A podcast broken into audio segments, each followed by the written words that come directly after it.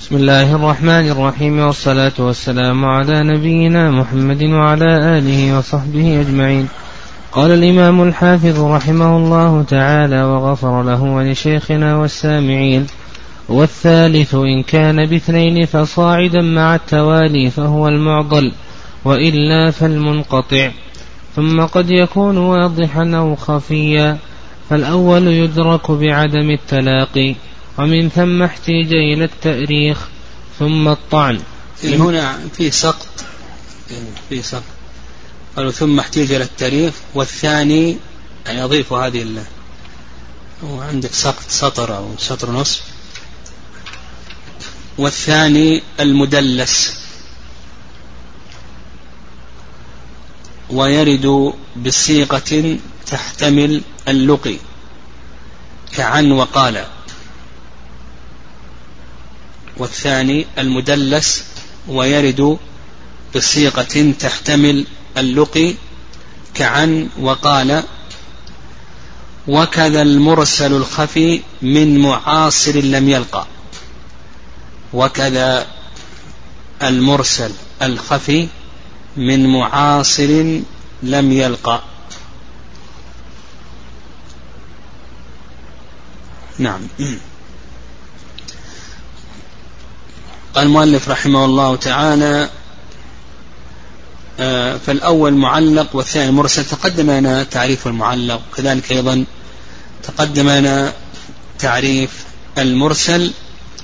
آه، أيضا بقي أن ننبه أن نعم بقي أن ننبه على مسألة وهي أن مراسيل الصحابة رضي الله تعالى عنهم حجة لأن الصحابة عدول. فإذا روى الصحابي عن صحابي آخر وأسقطه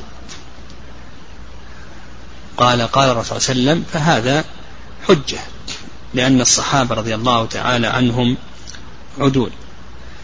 آه كذلك أيضا آه كتاب المراسيل لأبي حاتم لأبي حاتم آه بنى كتابه بنى غالب كتابه يعني بنى غالب كتابه على ما سقط منه الصحابي وبقي التابع. يعني ما سقط منه التابع وبقي الصحابي. ما سقط منه التابع وبقي الصحابي. وهذا نوع من أنواع المنقطع لكن هو في اصطلاح في الاصطلاح كما سلف لنا أن المرسل هو رواية التابع عن النبي صلى الله عليه وسلم. كما تقدم لنا آه، ابن أبي حاتم يعني ابن أبي حاتم رحمه الله في كتابه المراسيل. ابن أبي حاتم في كتابه المراسيل بنى كتابه على أن المرسل ما سقط منه التابع وبقي الصحابي. نعم. الصحابي موجود لكنه أسقط التابعي أو سقط منه التابعي فغالب هذا هذه الصور جعلها من المرسل وهو من المنقطع. نعم. قال المؤلف رحمه الله تعالى والثالث إن كان باثنين فصاعدا مع التوالي فهو المعضل. المعضل في اللغة من أعضله أي أعياه. وأما في الاصطلاح فهو ما سقط منه اثنان من وسط الإسناد على سبيل التوالي. لأنه إذا كان من أول الإسناد ها معلق. أو من آخر الإسناد مرسل. فالمعضل بين المعلق وبين المرسل. ما سقط منه اثنان من وسط الإسناد على سبيل التوالي. ومن أمثلته ما رواه الحاكم بسنده عن قعنبي عن مالك أنه بلغه عن أبي هريرة مرفوعا للمملوك طعامه وكسوته. نعم للمملوك طعامه وكسوته. هذا الحديث حديث ما رواه الحاكم بسنده عن القعنبي عن مالك أنه بلغه عن أبي هريرة مرفوعا للمملوك طعامه وكسوته سقط منه راويا. محمد بن عجلان عن أبيه. نعم محمد بن عجلان عن أبيه. المهم المعضل هو ما سقط من أو من وسط الإسناد. اثنان على سبيل التوالي قال وإلا فالمنقطع. الانقطاع في اللغة ضد الاتصال. وال والانقطاع هو ما سقط منه واحد من وسط الإسناد. أو اثنان لا على وجه التوالي. المنقطع ما سقط منه واحد من وسط الإسناد أو سقط اثنان لا على سبيل التوالي. نعم هذا المنقطع. قال نعم ومثاله يعني مثال المنقطع.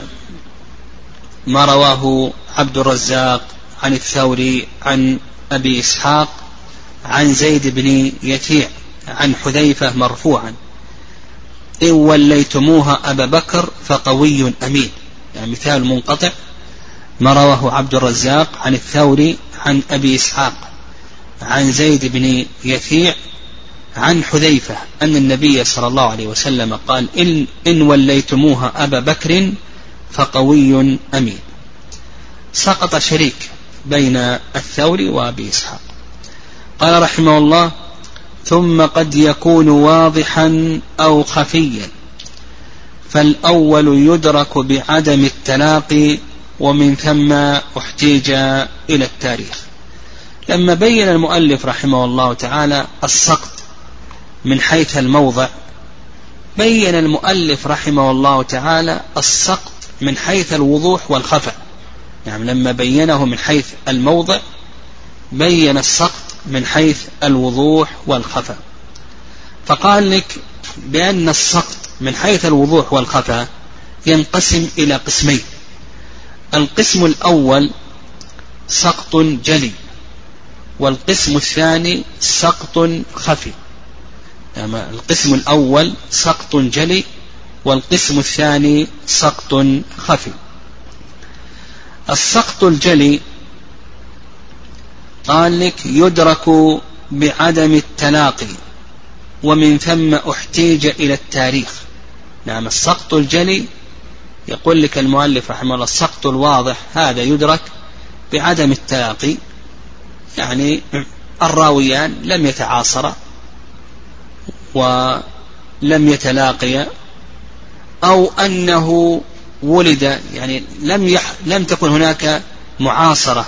بين الراويين وكذلك أيضا أو قد يعني لا تكون هناك معاصرة بين الراويين أو أن الراوي ولد بعد وفاة المروي عنه. يعني هذا سقط واضح جلي. يعني سقط واضح جلي. فقال لك يدرك بعدم التلاقي لكونه لم يعاصره. أو ولد بعد وفاته. ومن ثم احتيج إلى التاريخ. ولهذا العلماء رحمهم الله كتبوا في تواريخ الرواة مواليدهم ووفياتهم وتواريخ البلدان واللقي ونحو ذلك. الثوري رحمه الله يقول لما استعمل الرواة الكذب استعملنا التاريخ. لما استعمل الرواة الكذب استعملنا التاريخ. فقد يدعي أنه روى عن هذا الشيخ وهو لم يروي عنه.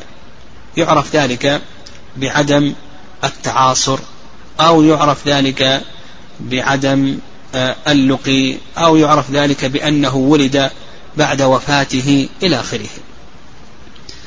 قال والثاني المدلس ويرد بصيغة تحتمل اللقي كعن وقال إلى آخره. التدليس في اللغة مأخوذ من الدلسة وهي الظلمة. والتدليس يقسمه أهل الاصطلاح ذات أقسام تدليس الإسناد وتدليس التسوية وتدليس الشيوخ. تدليس الإسناد وتدليس التسوية وتدليس الشيوخ. قال نعم آه، طيب هو الكلام حول المشهور من أنواع التدليس وما يتعلق بتدليس الإسناد. نعم أنواع التدليس ثلاثة تدليس الإسناد وتدليس التسوية وتدليس الشيوخ. ما هو تدليس الإسناد؟ نعم ما هو تدليس الإسناد؟ كذلك أيضا ما ذكره المؤلف رحمه الله من المرسل الخفي. هل هذا المرسل صورة من صور تدليس الإسناد أو لا كما سيأتينا إن شاء الله. تدليس الإسناد هو رواية الراوي عن شيخه ممن سمع منه ما لم يسمع منه من غير أن يذكر أنه سمعه منه. رواية الراوي عن شيخه من شيء عن شيخه الذي سمعه الذي سمع منه. ما لم يسمع منه من غير أن يذكر أنه سمعه منه. يعني بلفظ يحتمل السماع كعن وقال. رواية يعني أن يروي الراوي عن شيخه الذي سمع من شيخه. لكن هذا الحديث لم يسمعه منه. ولم يصرح أنه سمعه منه. لكن أتى بصيغة ماذا؟ توهم. نعم. أتى, بصيغة موهمة. نعم. هذا هذا تدليس ماذا؟ تدليس الإسناد.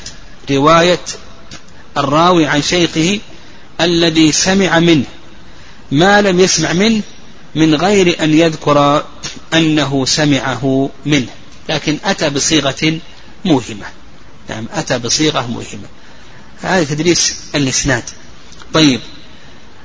المرسل الخفي ما هو المرسل الخفي؟ هو قال لك ابن حجر رحمه الله قال وكذا المرسل الخفي من معاصر لم يلقى فالمرسل الخفي أن يروي عمن لقيه أو عاصره ما لم يسمع منه. يعني في تدريس الإسناد سمع من شيخه أو لم يسمع سمع منه لكن ما سمع هذا الحديث. في المرسل الخفي على كلام الحافظ بن حجر رحمه الله أنه ما سمع منه. يعني أن يروي عمن عاصره أو لقيه كان يلقاه في المسجد لكنه لم يسمع منه. بلفظ يحتمل السماع يعني بلفظ يحتمل السماع كقال وعن ونحو ذلك. فأصبح عندنا الفرق بين التدليس الإسناد والمرسل الخفي أن تدليس الإسناد ماذا؟ سمع وأما المرسل الخفي حصل اللقي كان يلقاه في المسجد ونحو ذلك حصلت المعاصرة لكنه لم يسمع منه. ولهذا قال لك نعم قال فالأول يدرك بعدم التلاء نعم قال لك وكذا المرسل الخفي من معاصر لم يلقى. حصلت المعاصرة لكن لم يحصل شيء من السماع أو حصل اللقي لكن ما حصل شيء من السماع هذا ما ذهب إليه الحافظ بن حجر رحمه الله تعالى. والرأي الثاني في المسألة قالوا بأن تعريف المرسل الخفي في هذه الصورة أن, أن, أن المرسل الخفي في هذه الصورة إنما هو من تدريس الإسناد. يعني أنه من تدريس الإسناد.